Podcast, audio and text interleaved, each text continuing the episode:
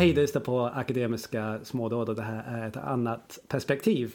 Och det är en sorts intervju. Vi kommer få in en gäst eller flera gäster där vi ska fråga dem och, om lite saker som de kan och förhoppningsvis få ett lite annat perspektiv på saker och uh, lära oss någonting nytt. Uh, så jag är William och jag, idag är jag med Kristoffer. Hej hej!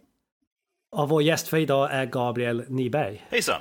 Ja, så Gabriel, uh, du kanske ska berätta lite om vem du är eller vad du har för bakgrund så lyssnaren förstår ungefär vem du är och varför du är här. Ja, absolut. Ja, hejsan! Jag heter Gabriel Nyberg och jag har, känner William genom att vi tillsammans pluggade filosofi på Eh, Eh, Göteborgs universitet där jag har avlagt en eh, kandidatexamen i teoretisk filosofi. Därefter så hade jag varit på ett år och läst en master på London School of Economics i eh, Philosophy of Science och kommer nu även att förhoppningsvis vi får väl se hur det går nu med eh, de här virustiderna. Så kommer förhoppningsvis påbörja en eh, doktorandtjänst på University of San Diego eh, Eh, från University of California, San Diego. Eh, jag har även läst en del eh, kemiteknik vid Chalmers nu och håller just på att skriva en eh, kandidatuppsats där. Och eh, jag tror vi kommer komma tillbaka till det där bakgrunden i kemi eh, någon gång under det här när vi pratar. Men Uh, ja, jag bjöd in dig för att jag visste du hade skrivit en masteruppsats om just replikationskrisen och vi har nu släppt två avsnitt angående replikationskrisen som handlar om problem och sen questionable research practices eller QRP eller en svensk översättning som jag alltid glömmer bort vad vi bestämde. Tveksam forskningspraxis tror jag Pontus eh, kastade ut som ett förslag. uh, ja, Eh, tveksam forskningspraxis. Och, eh, och, och, sen kommer vi ha ett par avsnitt efter det här om, om replikationskrisen också. Men du skrev din eh, uppsats om, ehm, om replikationskrisen, din masteruppsats, från en lite mer filosofisk perspektiv. Så då tyckte jag det var jättebra att jag och Kristoffer pratade med dig. För han har fått höra från ett psykologiskt perspektiv lite för mycket, så han får prata lite mer filosofi nu. Ja, så din uppsats handlar om tacitkunskap och replikationskrisen. Uh, vill du först... Uh, nej, vi, vi gör så här. Vill du först prata om... Um, motivera varför du bestämde att skriva om det här för det första? För, för det första? Ja, det var väl att jag läste... Det finns ju en, en uh, någonting som heter Stanford Encyclopedia of Philosophy och eh, som är en samling utav, som sammanfattar vissa typer av filosofiska ämnen mycket. Och de hade ju släppt en om replikation i vetenskap. Var på, jag hade läst den och såg en, att, de, att eh, de som hade skrivit artikeln hade skrivit ett avsnitt om vad som kallas för exper, um, the experimenters regress, vilket innebär ofta att du har en slags um, om du har exempelvis en dålig teori och du vill testa den med, med ett experiment så Ehm, kan det vara så att du får ett dåligt resultat eller att, att ditt resultat blir ifrågasatt. Då. Vad du ofta då brukar ha för att kunna berättiga varför ditt resultat är ett validt resultat är att du eh, åberopar en teori. Men det är precis den som du vill testa i det första slaget. Så då hamnar du i en slags regress där du inte någon gång står på stabil mark. Och en sak som den här artikeln tog upp då i anslutning till detta var att ta upp hur, hur det här är väldigt svårt att kunna sätta, att, att komma ut på för att mycket av experimentell eh, eh, kunskap är vad vi kallar för tacit kunskap. Då. Tacit kunskap är en typ av, av eh, vi, vi kan göra så här. Vi delar, van, den vanliga typen av vet, hur vi tänker om vetenskap är att den är väldigt eh, objektiv, den är väldigt lätt för andra att ta till sig, den är väldigt transparent och explicit. Att den går att eh, formulera på i matematiska formler eller med i text så att alla kan läsa det. Tacit kunskap är, är kunskap på andra sidan som är svår eller ibland omöjlig att direkt överföra mellan olika personer. Ibland så brukar man sätta tacit kunskap och know-how i eh, ungefär samma Eh, likställa dem. Det är väldigt liknande begrepp och jag, det är sällan jag ser någon använda dem eh, på olika sätt som inte där de direkt stipulerar fram att de vill mena olika saker för en, en väldigt snäv punktshåll. Men eh, tacit kunskap och know-how, tacit kunskap brukar vara know-how. Eh, just för att know-how inte går att, att eh, explicit göra vanligtvis på. Eh. Men vill du kanske bara så definiera då för de som inte förstår vad know-how vad know-how är för någonting och kanske know that kanske som en kontrast. Yep. Och sen hur kanske tacitkunskap och know-how skiljer på sig. Ja, så att uh, know that är ju då vanligtvis propositionell kunskap, vi kallar det för. som du helt enkelt kan sitta ner på en, en bit papper eller uttrycka i en formel. Medan know-how ofta brukar vara icke-verbal kunskap. Så att exempelvis om jag är en väldigt, väldigt skicklig kirurg så, kan inte, så har jag en viss typ av kunskap om hur man sätter ihop artärer och så vidare som, jag inte kan som är väldigt svår att kommunicera i en, i en text eller i en läkebok eh, eller någonting i den stilen.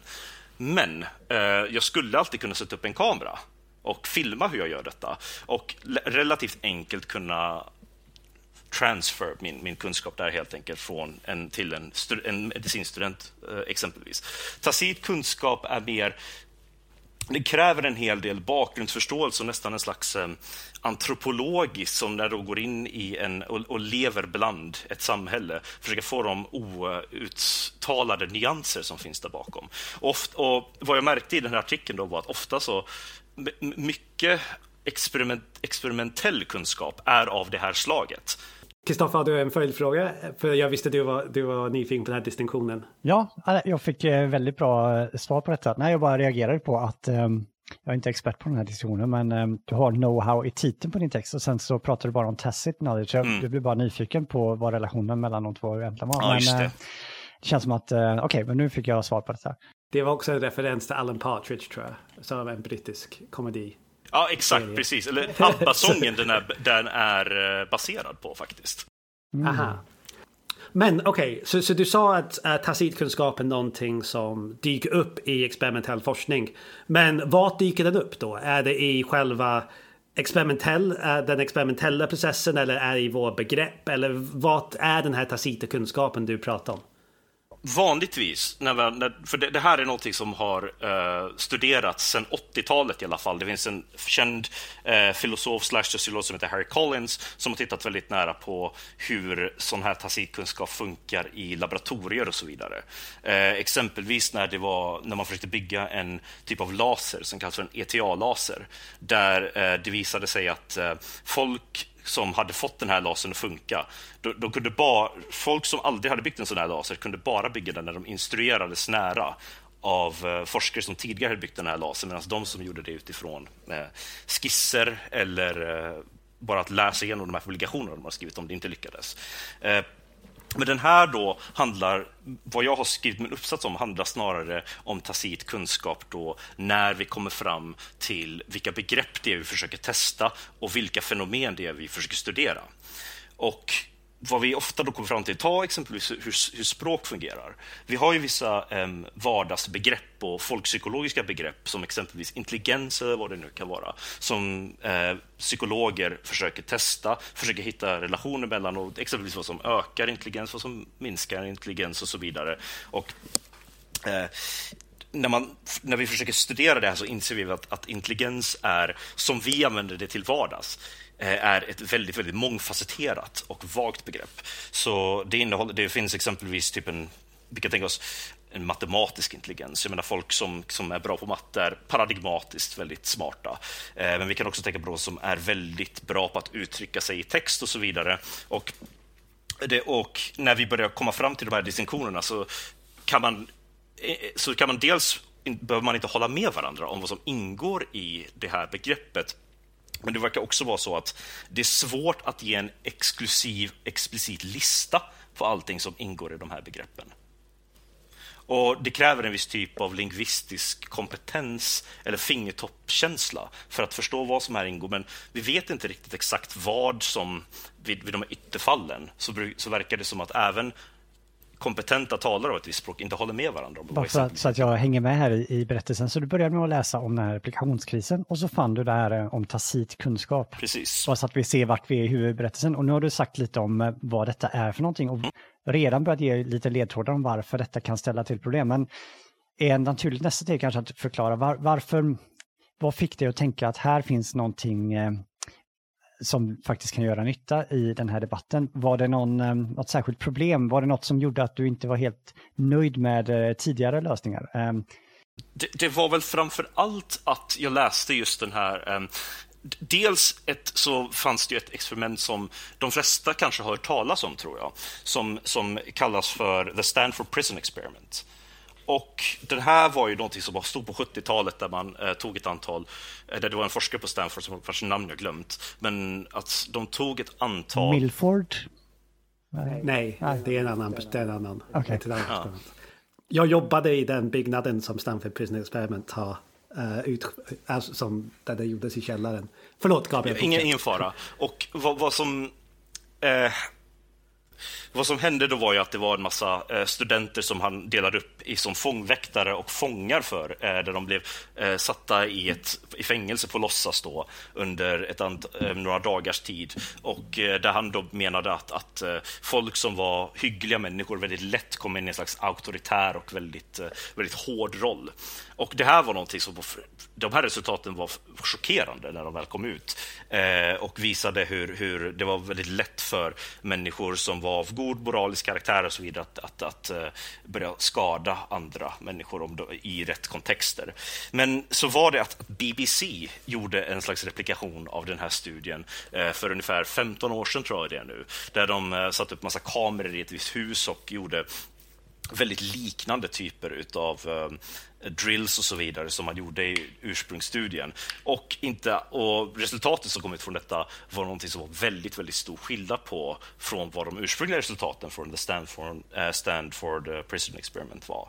Och vad som då hände var att ursprungsforskaren gick ut i media och började peka ut på en massa faktorer som inte dök upp i originalpublikationer eller kommentarer på detta. Exempelvis på ja, men det här är en annan typ av um, andra demografier exempelvis. Och det var um, att de visste att de var övervakade hela tiden och så vidare. Att det här inte alls var någon slags uh, prison authority effekt eller en riktig replikation på, vad det här experimentet som han gjorde. Och jag, jag hade hört några andra eh, liknande resultat också och började undra på, okej, okay, det, det kanske är svårt att säga hur stort det här problemet, hur omfattning, om det är någon slags stor grej med att folk gör så här. Ifall jag exempelvis hittar en, säger att jag hittar en effekt, den blir inte replikerad och att jag sen bara ändrar och säger nej, nej, nej, jag menar något helt annat hela tiden. Och eh, du, du, har inte alls gjort en riktig replikationsförsök om mitt, du testar något helt annat.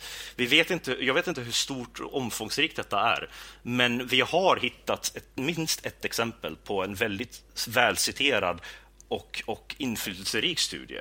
Eh, och vi kan kanske hitta flera. Så idén var i alla fall att beskriva mekanismen på hur detta kan funka och varför det kan vara någonting som är dels svårt att hitta och dels ganska skadligt.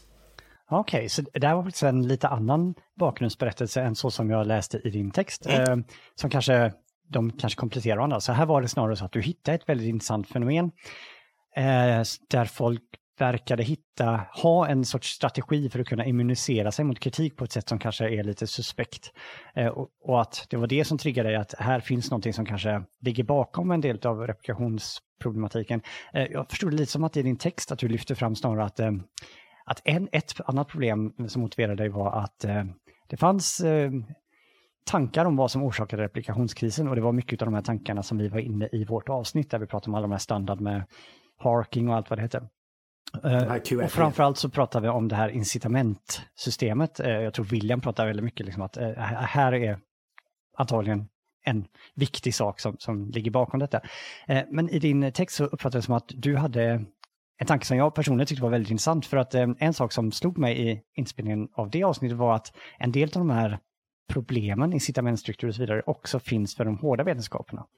Men ändå tycks vi inte ha den här obligationskrisen där. Eh, och i din text nu så tyckte jag att du lyfte fram det tidigt som en sorts morot för dig att här, här är liksom e-, en ledtråd till att någonting mer måste hittas. Alltså det som, det har skett så mycket bra forskning om vad som ligger bakom obligationskrisen, men någonting mer måste finnas här. Och så introducerar du den här eh, jätteintressanta aspekten med eh, tacit eh, kunskap. Så det, det, är också en del av det som jag tycker som, som kompletterar eh, det här varför jag tror att det är en...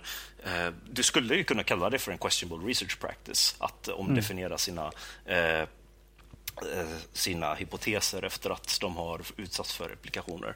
Eh, men det här var det, och det skulle, det skulle också kunna vara någonting då som hjälper till att förklara varför exempelvis naturvetenskaperna verkar klara sig. För, eh, vi, vi, kan väl återkomma till det här tidigare, men jag kan i alla fall tänka på ett exempel i historien där det här var någonting som kan vara, ett, som jag tror är ett troligt exempel på när den här typen av omformulering av en hypotes har varit skadlig, eller i alla fall som ett upp ganska självklart försök att, att undgå falsifikation. Ja, ja, ja. Så eh, det finns, innan den nuvarande paradigmatiska teorin för vad modern kemi är, den så kallades eh, ox, eh, oxygen theory, eller syreteori då, som eh, mest känt då blev eh, uppfanns i sin protomoderna fattning av en fransk forskare som heter Lavoisier. Så Eh, var det en teori som heter flogistonteori som var väldigt, väldigt fram, eh, framhävd. Och det var den som eh, var den mest dominerande teorin om, om kemiska fenomen. Det förklarade, en, det, det förklarade väldigt mycket om exempelvis varför metaller som är, är väldigt de brinner bra när de är i pulverform, de skiner och leder elektricitet bra. Men, men sen när de, när de rostar så funkar inte det alls, eh, så har de inte alls de här egenskaperna utan väldigt så här, letargiska eh, jämförelsevis och har dåliga mekaniska egenskaper. Och man menade att förklara dem, för det här fenomenet och andra fenomen med att det var en, en, något som kallas för flogiston som lämnade metallen. Eh, och en flogiston var en slags typ eh, det kallades för princip som gjorde att vissa typer av ämnen var energirika och gjorde saker medan andra var mer passiva, hade dålig luster och så vidare. Och den här, det var ett eh, experiment under 1700-talet som visade att eh, när saker brinner så får, de, så får de en större massa, att syre kommer in och binder till de här metallerna. De exempelvis bränner stålull Eh, så kan man se hur eh, den, och har det på en våg, så ser man hur vågen ökar i massa allt eftersom stålullen brinner. Det här var något som var väldigt svårt för, för flogistonteoretikerna att förklara. För de menar att flogiston inte var som en, en partikel eller någonting i den stilen, utan eh, nästan som fri energi ungefär. Eh, men vad, vad, de gjorde då var att de, om, de omformulerade teorin ett antal gånger för att kunna säga att ah, vi kan se till att det här eh, ex, experimentets resultat kan Eh, finnas i, i eh, vi kan täcka det med vår teori helt enkelt. Men eh, fler och fler eh, experiment och som svar på de här omformuleringarna gjorde att teorin blev klumpig och den hade massa eh, extra svårtestade adjunkter helt enkelt. Som, eh, det, det, är inte en klar replikation, men man ser ungefär en liknande mekanism bakom som, som immuniserar flogistonteorin mot eh, falsifikation.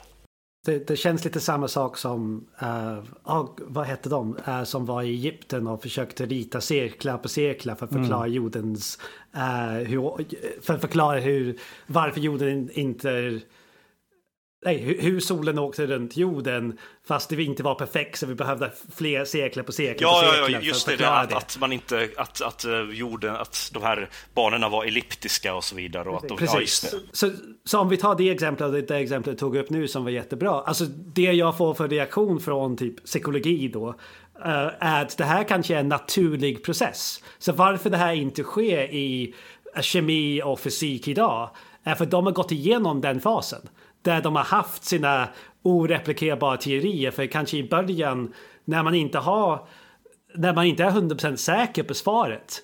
Då kommer det finnas fler teorier. Och då borde det vara fler teorier som inte går att replikera tills man har typ hittat rätt väg. Så tror du det här är en naturlig process som psykologi bara går igenom just nu? Eller är det någonting som är egentligen någonting som är lite fel med hur forskare beter sig? Jag tror och hoppas att det här är en naturlig del som psykologi måste gå igenom. Den, den stora skillnaden här som gör mig något, o, um, något orolig är att för, för exemplen med, med uh, Ptolemeisk astronomi tror jag det är, och, och flogistonteori är att de redan var välutvecklade teorier som uh, hade en ganska rik begreppsapparat redan då. Och jag vet inte, jag är lite o, det är svårt att ge en enda klar karaktärisering av psykologi, för det är ett väldigt vitt spritt fält. Det finns många olika ehm, eh, teorier och det finns olika ehm, eh, olika delar av psykologi har kommit olika eh, långt i teoretiserande. Men det fin jag har läst ett antal artiklar som argumenterar för att det inte finns en eh, bred teori i psykologi som skulle kunna funka som ett slags övergripande framework för att kunna relatera olika resultat till varandra eller, eller ge en slags initial eh, hunch om vilken data som är rimlig och vilken som inte är det på samma sätt som flogistonteori eller eh, ptolemeisk astronomi. Så, så det hade ju varit bra att ha en sån här teori. Men för det måste vi ju ha empiriskt stabila resultat för att kunna eh, korroborera den. Bara förtydliga en sak, för jag fick för mig att kanske att din kritik mot psykologi är, är ännu vassare än, än, än bara detta. För att visst är det väl så att eh, i detta fallet så de här som ville måla små cirklar och rädda flogiston, de omformulerar sina hypoteser för att liksom passa in med, för att försöka rädda kvar dem. Men är inte din kritik ännu häftigare på ett sätt för att du lyfter fram en sorts eh, problem med själva begreppen. Det är inte bara det att vi reviderar hypoteserna, utan själva grundbegreppen som vi säger oss undersöka tillåter sig de här färska, forskarna att liksom revidera. Att, ah, nej, det var liksom inte intelligens, utan med intelligens menar vi, och så kan de liksom spetsa, alltså hur, från det här folkpsykologiska begreppet ner till någon sorts, du kallar det conceptualization, kanske ner till någon sorts operationalisering. Att du lyfter fram att här finns en sorts problematik som kanske inte på samma sätt finns inom den hårda vetenskapen. Det, tyckte jag var väldigt intressant. Jag, jag, tror att det är samma typ av problem, eh, nämligen med, med det här att eh, omoperationalisera eh, folklig, eller folkpsykologiska begrepp så som teorier. Eh, det, det, är ju som att vi försöker skära upp världen på olika sätt. Eh, flogiston Eh, som, det, det är också en omdefinition av vad flogiston skulle vara för någonting när man gör, eh, när de, de gjorde sina omformuleringar av vad hypotesen teorin skulle vara. Det, det, gick från att vara en slags eh, masslös eh, princip till att ha en negativ massa helt plötsligt och börja uppföra sig mm. på, på ganska annorlunda sätt. Och det tog till sig nya egenskaper och blev av med gamla egenskaper på, väldigt, på ett sätt som är väldigt liknande, tycker jag, så som eh, begreppsrevideringen sker i exempelvis det här ehm, eh, intelligens eh, Mozart-effektsfallet. Som... Vill du ta upp det här, eh, eller har vi tid för det, eh, Mozart-fallet? För det är ju något, ett fall som du använder ganska mycket för att illustrera din poäng. Vad säger William, har vi tid med det? Ja, ta upp den, absolut. Ehm, jag har en fråga efter det, men jag tror att frågan blir jättelämplig efter du tar upp det här exemplet. Ah, Okej, okay. så många lyssnare har säkert hört om det här att om man lyssnar på klassisk musik och så vidare så blir man, så blir man mer intelligent och att om, små, om barn lyssnar på det och så vidare så eh, kommer de att växa upp och bli smartare. Det här kommer från eh, forskning som publicerades i början på 90-talet där ett antal forskare tog och spelade upp eh, ett visst stycke av Mozart för, ehm, för vissa personer. Eh, jag tror det var en studie som på 40 personer. Och eh, 15 minuter efter de hade gjort detta så, så såg de en, en ökning i hur de um, gjorde ifrån sig på en viss typ av, av ehm, um, IQ-test som testar spatiotemporalt resonerande. Och um, det var en massa olika forskare som tyckte att det här var väldigt intressanta resultat och försökte återskapa dem med andra test som mäter spatiell intelligens som också sen kan översättas till IQ som det tidigare testet också kunde göra. Men de hittade ingen samband. Och då menade de här forskarna, aha, nej, nej, nej, vi pratar inte alls här om spatiell intelligens, vi pratar om spatiotemporal intelligens. Och så har de haft den här dansen i ungefär 20 år. Och det här har ju varit någonting som, jag, jag, jag, tyck, jag har hört detta fenomenet nämnas flera gånger i um, i journalistik. I, det, var även någon, eh, det blev även inskrivet i policy i Georgia i USA att eh, alla barn i en viss eh, eh, årskull skulle få små inspelningar av Mozart. Och Det var ju också väldigt oklart vad det var som orsakade den här, om det var just Mozart, var det, om det var någonting i hur kompositionen var och så vidare. Eller om det kanske var någonting i typ vilken takt eller tempo det var. Så man kontrollerade riktigt för det och man fick aldrig något riktigt bra grepp om vad, vad, vad i Mozart-effekten vad som var den faktiska effekten.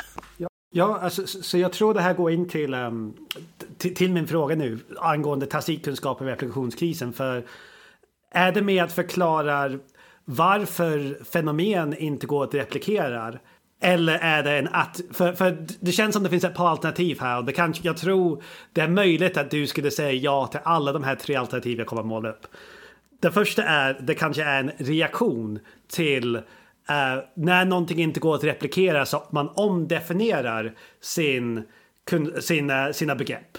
För att för, på grund av någon har ifrågasatt dina begrepp, du säger nej jag menar inte så egentligen, jag menar på det här sättet. Som du så, sa då med spatiell och spatiell temporal. Så, det så nummer ett är en reaktion till när någon, någonting inte gick att reproduceras. En annan sak är kanske varför saker inte går att reproduceras. Det är ju som det verkar vara inne där på slutet av vad, av vad du förklarade. Det är så många variabler som inte kontrolleras för. Och det är en förklaring till varför vissa resultat inte kan replikeras. Eller reproduceras. Distinktionen kommer i nästa avsnitt Aha, förresten, okay. lyssnaren. Det är, vi har sagt att det här inte ska spela någon roll. Ursäkta. Okej, okay, hur som helst. Så det var nummer två, så att, att resultatet inte går att replikeras på grund av tacitkunskap. Och, kanske den tredje är att första studien från början är bara dålig på grund av de här på grund av det här tacitkunskap. Så är det alla tre som du säger är ett problem eller kan du kanske klargöra? Det, det är framförallt nummer ett som är ett problem. De andra två tror jag är en progressiv del i hur vetenskapen fortskrider. Så att det, det, är mycket, det är till en stor del att i, när vi håller på att diskutera de här grejerna försöker eh, reproducera och misslyckas, att det som är tacit kunskap blir mer explicit. Och att det är inte alltid vi vet exempelvis för vilken tacit kunskap som opererar just, just nu. Eh, exempelvis eh, sak samma. Men så det blir klarare för alla som, som är inblandade vad då som problemet med ditt, ditt eh, eh ursprungliga formuleringar och vi kan förbättra det. det. Däremot den första är intressant på så sätt att i eh, jag vet inte hur mycket jag går händelserna i förväg för era kommande men, episoder. Men, nej, men, men får, jag, får jag ställa en snabb fråga till dig då? För eh, vad du säger just nu, det låter som um, att replikationskrisen är nästan är någonting som är inte bra, men att det, det ger oss nya möjligheter att kunna hitta vår tacitkunskap. Absolut. Alltså utan replikationskris, ingen, vi skulle inte förstå Ja, det. men jag tror faktiskt det är någonting bra, i alla fall givet hur, hur um, det, det, verkar ju ha varit så här hela tiden och det, med replikationskrisen, att den, vi upptäckt att det är en kris, är ett första steg på vägen. Och det är också någonting som kan få oss att ta oss en riktig tankeställare om våra metoder och, och eh, vad det är som ger oss eh, tillförlitlig kunskap i de här fälten exempelvis. Så jag tror att det är någonting bra på så sätt. Där det blir då ett problem är då eh, när det används som ett sätt att undkomma kritik på och att försöka stänga lådan för att...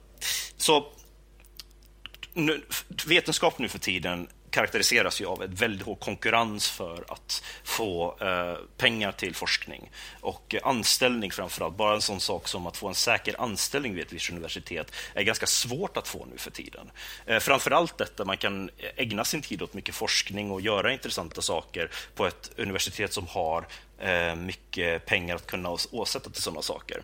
Och de som brukar få den här typen av, av, av tjänster och pengar är de som kommer fram med nya resultat som är eh, dessutom är positiva resultat. Exempelvis om jag hittar typ en, en precis som i det här Stanford Prison Experiment så hittade ju den här forskaren ett väldigt, väldigt, eh, på den tiden nytt eh, och, och väldigt uppseendeväckande resultat. De blev kallade för sexiga fynd i tidigare Exakt, precis. Och, och, och det, det, är de här grejerna som, som är eh, ditt allra bästa bett att kunna få eh, bra, eh, göra det bra ifrån att få prestige i ditt fält. Replikationsstudier å andra sidan har väldigt lite eh, prestige associerat med sig. Det anses vara mindre kreativt och att eh, det eh, inte är den där framstående forskningen som många journaler dessutom letar efter. För att publicera i högt rankade journaler så måste din forskning vara väldigt groundbreaking och, och, och nyskapande på samma sätt. Och, eh, om du gör sådana, sticker ut hakan och försöker hitta sådana här resultat så kommer du men inte hitta någonting utan det visar sig att nej, det, det finns ingen, eh, det fanns ingen Stanford Prison-effekt så kommer de heller inte att vara lika eh, eh positiva publiceringsresultat. resultat. Det finns ganska mycket forskning på det här om, om psykologijournaler som visar att de allra flesta eh, saker som publiceras i dem är positiva findings. Så du har alltså då ett incentiv till att, att eh, publicera dels forskning som är liksom positiva resultat och dessutom nya resultat. Problemet är att de här är väldigt, väldigt svåra att hitta och att det ofta kräver väldigt mycket iteration innan du faktiskt gör någonting, eh, hittar någonting som, som tickar båda de här boxarna. Då har du alltså ett incentiv till det och med eh, eh, eh questionable research practices så har du dessutom ett sätt som du kan komma förbi och gambla systemet. Så om det kommer någon då, exempelvis, och, och, eh, säg, och du, har, du har fått din studie publicerad och eh, allting är jättebra, så kommer ett par filurer här och säger ah, vi har försökt göra en replikationsstudie här, men vi får inte alls samma resultat. Då finns den här att du omkaraktäriserar resultatet. för att säga ah, vad vi egentligen menar är det här, för att, för att eh, helt enkelt undkomma den här kritiken. Du, har, du kommer undan med din prestige i behåll och kan fortsätta med, ditt, med, ditt, med din forskning. Okej, okay, men bara för, för förtydliga då. Så de här andra problemen som vi lyfter fram som problemen med incitamentstrukturen.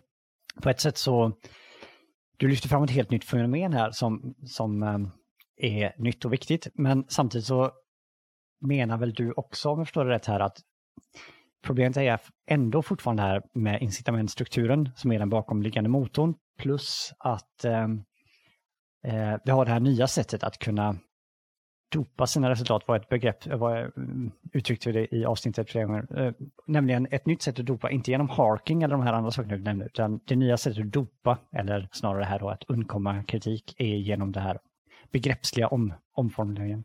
Eh, och precis som för de andra problem vi pratar om så menar du att en lösning kanske är att förändra incitamentsystemet, att vi ska bygga om systemet så att man inte ska kunna dopa sina resultat på det här sättet. Ja, precis. Ehm, jag tror i syvende och sista faktiskt att det handlar om eh, incitament, vad det än står i eh, uppsatsen. Men att, att ehm, jag, jag, tror inte alls att det här hade varit, ett, det är min misstanke i alla fall, att det här inte alls hade varit ett lika stort problem ifall folk hade fått ehm, kunna ha mindre tryck på sig att kunna prestera.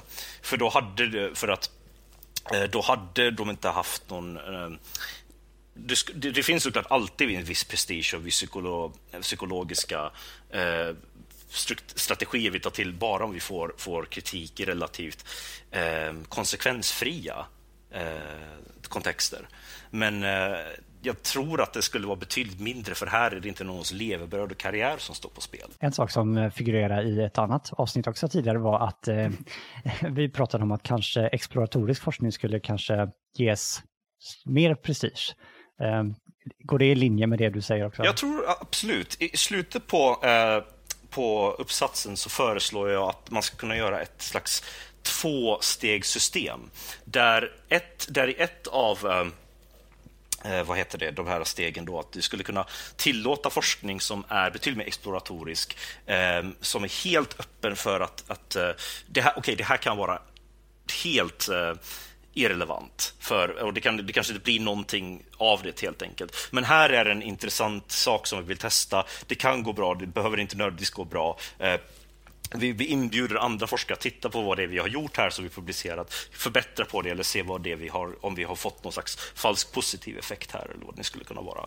Eh, sån här forskning, ifall alla hade gjort det, det kanske inte hade varit bra exempelvis om vi är intresserade av att, att eh, förmildra symptomen för depression eller vad det nu kan vara. Så det är samtidigt bra att ha en, en eh, typ av forskning där den här typen av där positiva findings är någonting som, är, som vi främst letar efter.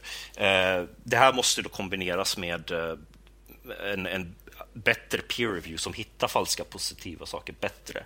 Men det hade i alla fall varit en del av en lösning på problemet att, att eh, om, om det är ny eh, banbrytande forskning så kan, du, så kan du göra den här utan att du behöver vara orolig för din, för din framtid inom akademia. Så en sak jag tycker är väldigt, alltså jag tycker alla lösningar låter jättebra. Vi kommer prata om lösningar i nästa avsnitt och jag tycker det här, ja, alltså jag tycker det låter jättebra. Men en sak jag inte förstår, är, du kanske kan hjälpa mig här, det kan, är när du ska, när, när okej, okay, jag har gjort någon jättestor sexig studie och har hittat resultat. Andra sen ska försöka replikera den studien och då, då blir replikationsstudier idag oftast ett ja eller nej. Så det blir så här, det här gick att replikera, det här gick inte att replikera. Och när vi säger att det inte gick att replikera, då är det oftast, ja men då var det någonting fel. Alltså då, då, eller då var den studien fel. Men om jag förstår dig rätt, du säger att vi kanske borde leta lite mer på varför det inte... Alltså, för, för just nu så har, vi, har du inte föreslagit någon lösning på hur vi tar reda på det här tacitkunskapen. Just det. Så tacit kunskap är väldigt, väldigt svår generellt att kunna explikera. Vad vi kan göra då ehm, när vi försöker testa olika saker att, att, eh, och det inte blir exempelvis att, att eh, ehm, det lyckas att replikera, så att det, ni kan i alla fall försöka kommunicera om det och jämföra era resultat, vilket då kan ta fram att om du ser exempelvis att en forskningsgrupp har gjort någonting eh, i sin publikation som du eh, bara har gjort utan att tänka efter på det eller som du, eller som ett labb som ni bara gör för att det är så man har gjort. Det har funkat för oss och det är därför vi, vi håller på det. Så, kan ni, så kommer detta fram till ljuset och det är någonting som olika forskare börjar tänka på mera. Och om man då börjar diskutera de här sakerna så kan man hitta nya eh, eventuella orsakssamband på varför det inte skulle kunna eh, ha replikerats eller inte. Eller helt enkelt att man kommer fram till att man har tänkt på de här olika begreppen på olika sätt. Och att man exempelvis, eh, om ni exempelvis forskar om intelligens och kommer fram till att nej, men eh, jag har aldrig tänkt exempelvis på eh, verbal eh, uttrycksförmåga eller street smart som intelligens exempelvis, medan det andra forskningsteamet gör det, så har ni i alla fall kommit en bit på vägen att förstå vad det är som sakerna kan gå fel någonstans. Det låter bra. Um...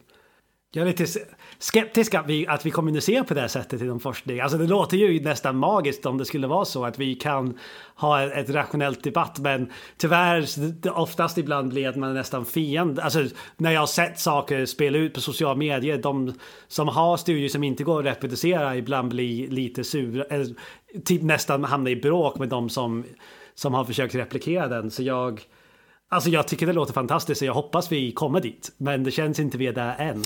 Nej, du har väl rätt i det. Jag menar, om, om det är någonting som jag har tagit ifrån hela den här, eh, liksom att ha läst om replikationskrisen, så är det, det finns väldigt många olika problem på väldigt många olika nivåer.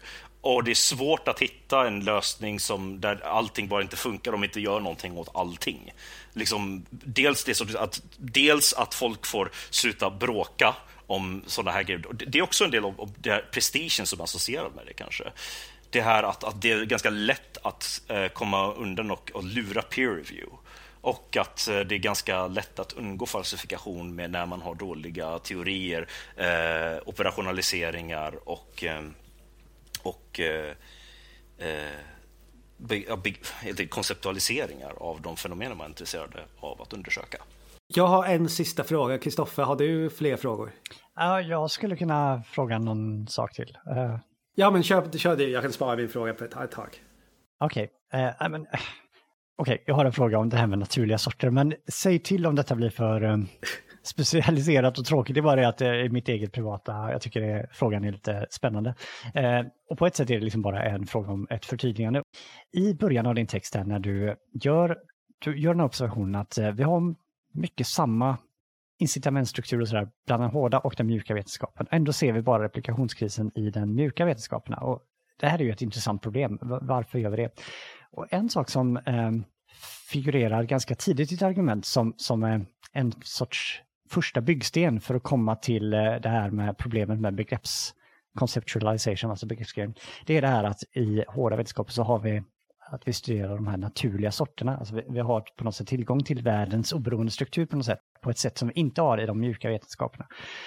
Och om jag förstår det rätt så är detta liksom eh, den anledning som du anger varför den här begreppsläggningen blir så svår inom de mjuka vetenskaperna. Eh, det här tycker jag är väldigt spännande, för på ett sätt så låter det mer i slutet av din uppsats som att det där den distinktion som är, verkar väldigt viktig i början inte är fullt så viktig. Um, och kanske är det, nu, nu frågar jag inte så mycket utan mer kommer med ett förslag, men det bara slog mig att um, det finns ju ändå lite kontrover kontroverser kring det här med naturliga sorter. Själv är jag uh, brukar ta för givet att de finns och jag tycker kanske inte att det låter så märkligt att säga att, att uh, hårda vetenskaper studerar naturliga sorter. Men det, det, finns ju de som är skeptiska mot att det finns naturliga sorter överhuvudtaget. Kan du definiera en naturlig sorts okay. för lyssnaren? Så det, ja, visst, jag kan göra ett försök. Men om vi tänker att um, världen där ute är liksom inte ett ostrukturerat fluff av uh, go, utan det, är liksom, det finns en struktur där ute. Så om vi tänker, jag tror att många brukar prata om en tårta. Och vi kan skära upp en tårta på olika sätt. Och en tanke då med de här naturliga sorterna, att vissa sätt att dela upp världen, vissa eh, sätt att skära upp tårtan är liksom på något sätt matchar en sorts oberoende struktur som finns där ute. Om vi tar till exempel, eh, eh Gabriel tar exemplet med guld. Eh, nu minns jag inte atomnumret på guld, men där har vi liksom kanske en, en tro att guld är något som finns oberoende av vad vi människor tycker och tänker, utan det är någonting som finns där ute. Liksom, när vi säger att allt guld i universum, då har vi liksom delat upp världen i någonting som, som verkligen finns. Medan en kategori som, ja vad skulle vi kunna ta? Eh, eh, nu kommer jag inte på eh, eh, motsatsen, men ta ett exempel som planet eller dvärgplanet eller ta, ta kanske något från sociala världen som en president Eh, vissa sätt som vi begreppslägger eh, världen kanske inte motsvaras av någonting där ute. Vi skär upp tårtan på ett sätt som kanske är användbart för våra syften, men vi tror kanske att det inte är inte säkra på att det där är något som finns där ute i världen. Ehm, och Gabriels poäng är då att i de hårda vetenskaperna så studerar vi just de här oberoende strukturerna medan i de här mjuka vetenskaperna så gör vi inte det.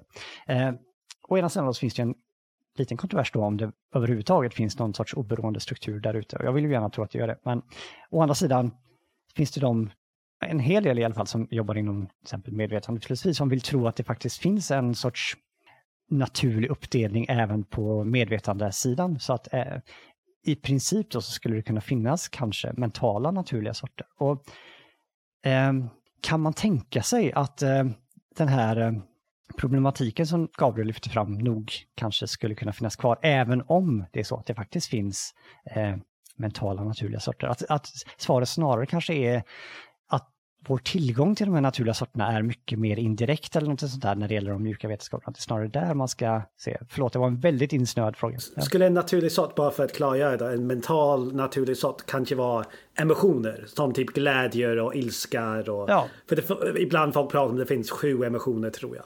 Och det ja, skulle vara sju naturliga Och en sorter. ganska stor debatt okej, bara för att jag har råkat vara vara inom ett projekt som försökt forska på detta då, eh, men en debatt som har figurerat mycket är till exempel den här om det finns en hård gräns mellan kognition och perception, alltså tänkande kanske och eh, varseblivning. Eh, och då finns det argument för och emot och sådär, men, men det tycks ändå finnas där ute en idé om att det kanske finns någonting där ute som vi kan upptäcka. Um, eh, förlåt, vi kan inte upprepa frågan till Gabriel för vi gick ja, iväg. Ja, tack, jag tänkte Okej, okay. okay, men så Gabriel, eh, tro, vill du hänga upp just den här skillnaden, eh, grundbulten i förklaringen, eh, på just förekomsten av naturliga sorter? Att det är det som verkligen skiljer hårda mot mjuka vetenskaper? Eller tror du att eh, ditt argument går igenom även om den skillnaden inte finns? Och min känsla är att det är nog, att du lyfter fram så mycket andra intressanta saker att, att skillnaden nog kan finnas där. Okej, okay. så det var en ledande fråga. Ja, men jag, jag tror faktiskt att du inte behöver naturliga eh, sorter för att göra naturvetenskap så pass epistemiskt robust som, som, den, som den är. Eh, när jag, jag, lyfter upp den i de här i um, uppsatsen framför allt för att jag vill göra en, en distinktion mellan att den som en slags idealtyp på en egenskap som är väldigt klar och, och uh, lätt att, att uh, hantera begreppsligt. Guld är alltid guld om det har, jag tror det är 79 stycken protoner. Uh, och that's it liksom. Det, då har du tillräckliga och nödvändiga eh, eh, vad heter det? Villkor. Condition, ja, villkor, tack, för att, för att det ska vara guld. Eh, mm. Men samtidigt så finns det också väldigt många delar av naturvetenskap som är epistemiskt lyckad som inte har de här naturliga typerna. Jag menar, det, du, du, ser det ofta i typ partikelfysik eller fysikalisk kemi och andra eh, discipliner som väldigt mycket pysslar med eh, vär, hur världen är uppbyggd och sådär och har, har eh, import till det. Men det finns ju sådana här saker som exempelvis materialvetenskap och eh, fluid, fluid dynamics och sådana saker eh, som man har, som man har hittat väldigt mycket intressant i eh, och som har väldigt många stabila eh, regulariteter på en stor och, och väl eh, dokumenterad och, och eh, stabil med mycket applikationer, en stor kropp med kunskap där. Men här verkar det inte finnas som att det finns en slags att, att, exempelvis skillnad på laminärt och turbulent flöde exempelvis verkar vara en gradfråga än att du har mm. olika sorter som du kan dela upp i. Samtidigt så verkar det också som att till viss del att även i den psykologiska och sociala världen så finns det eh, sociala och psykologiska typer också som kan vara väldigt stabila. Och dessutom sådana som konstitueras av vad vi har för tro, trosföreställningar om dem. Så det, mm. det finns ju en, en filosof som heter Ian Hacking som har pratat mycket om detta där, där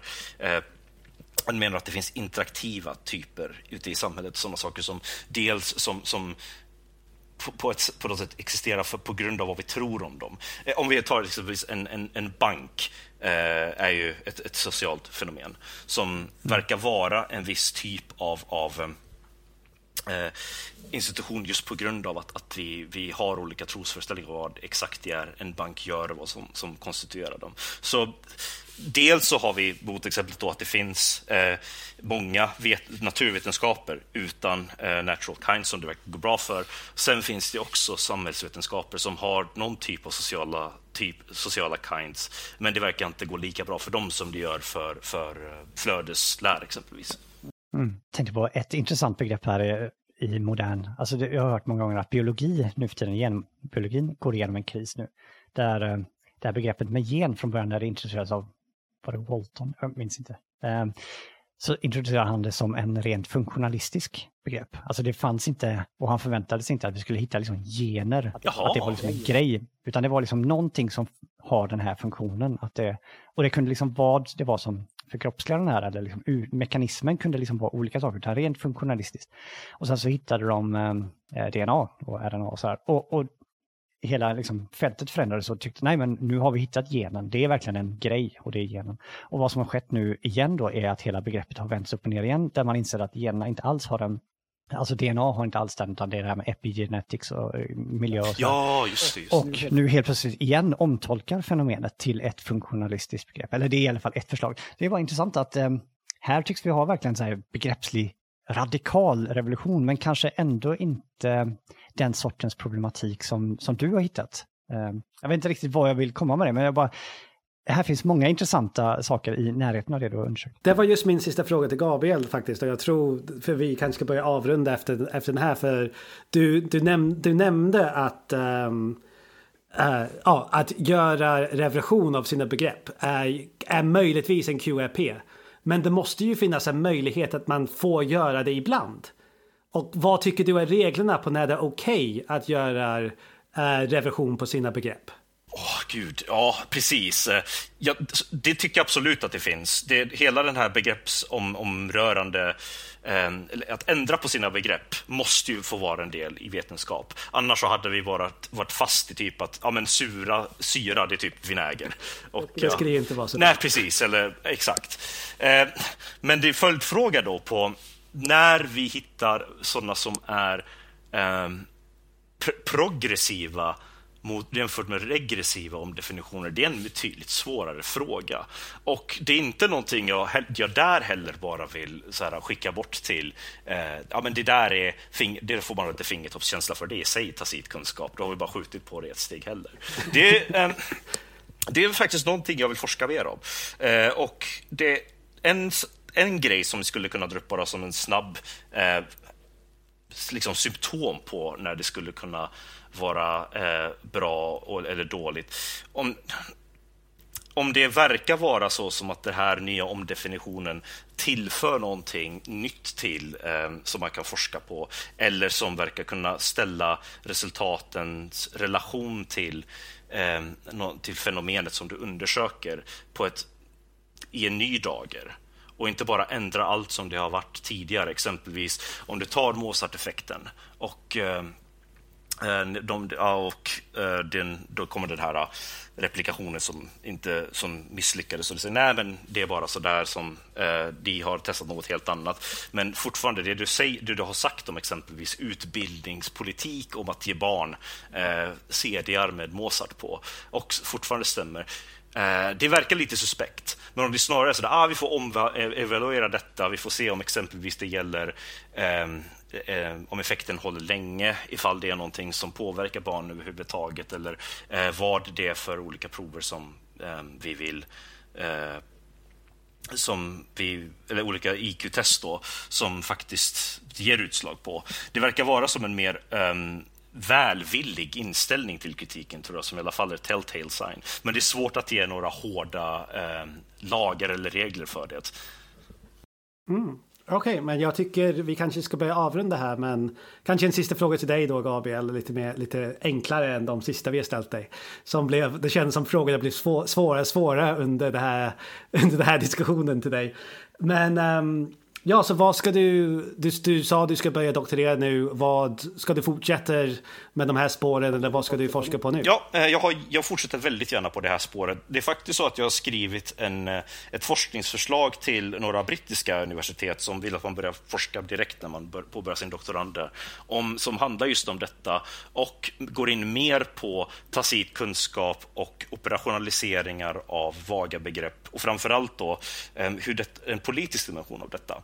Om vi säger exempelvis att, att Eh, jag är intresserad av att eh, mäta resultat om eh, kan det vara depression eller någonting i den stilen. Och eh, eh jag gör sådana här typer av, av eh, ad hoc-revisioner och så vidare när mina resultat håller på att, att eh, ifrågasättas av andra forskare. Vad är det för, om, om jag ska använda de här resultaten då exempelvis i eh, i sjukhus. Vad är det för, för egenskaper min, eh, och, och hoops som min forskning ska ha gått igenom för att räknas som att ha uppfyllt mina epistemiska plikter mot de patienter som eventuellt skulle kunna få nytta av den här typen av eh, behandling. Och mycket mer, alltså det finns ju mycket här man kan ta in i eh, objektivitet och eh, hur vetenskap ska, är tänkt att hjälpa människors liv som jag vill fortsätta studera med detta framförallt. Låter jättespännande. Jag ser fram emot att höra mer i Uh, och vi vet inte, vi kanske bjuder in dig om några år när du, är, när du har forskat klart på det. Jag kommer gärna ifall det händer. Jag har haft det jättetrevligt och väldigt givande att få prata med er. Väldigt trevligt samtal och jättetrevlig läsning av din masteruppsats. Väldigt välskriven och bra. Okej, okay. hej då.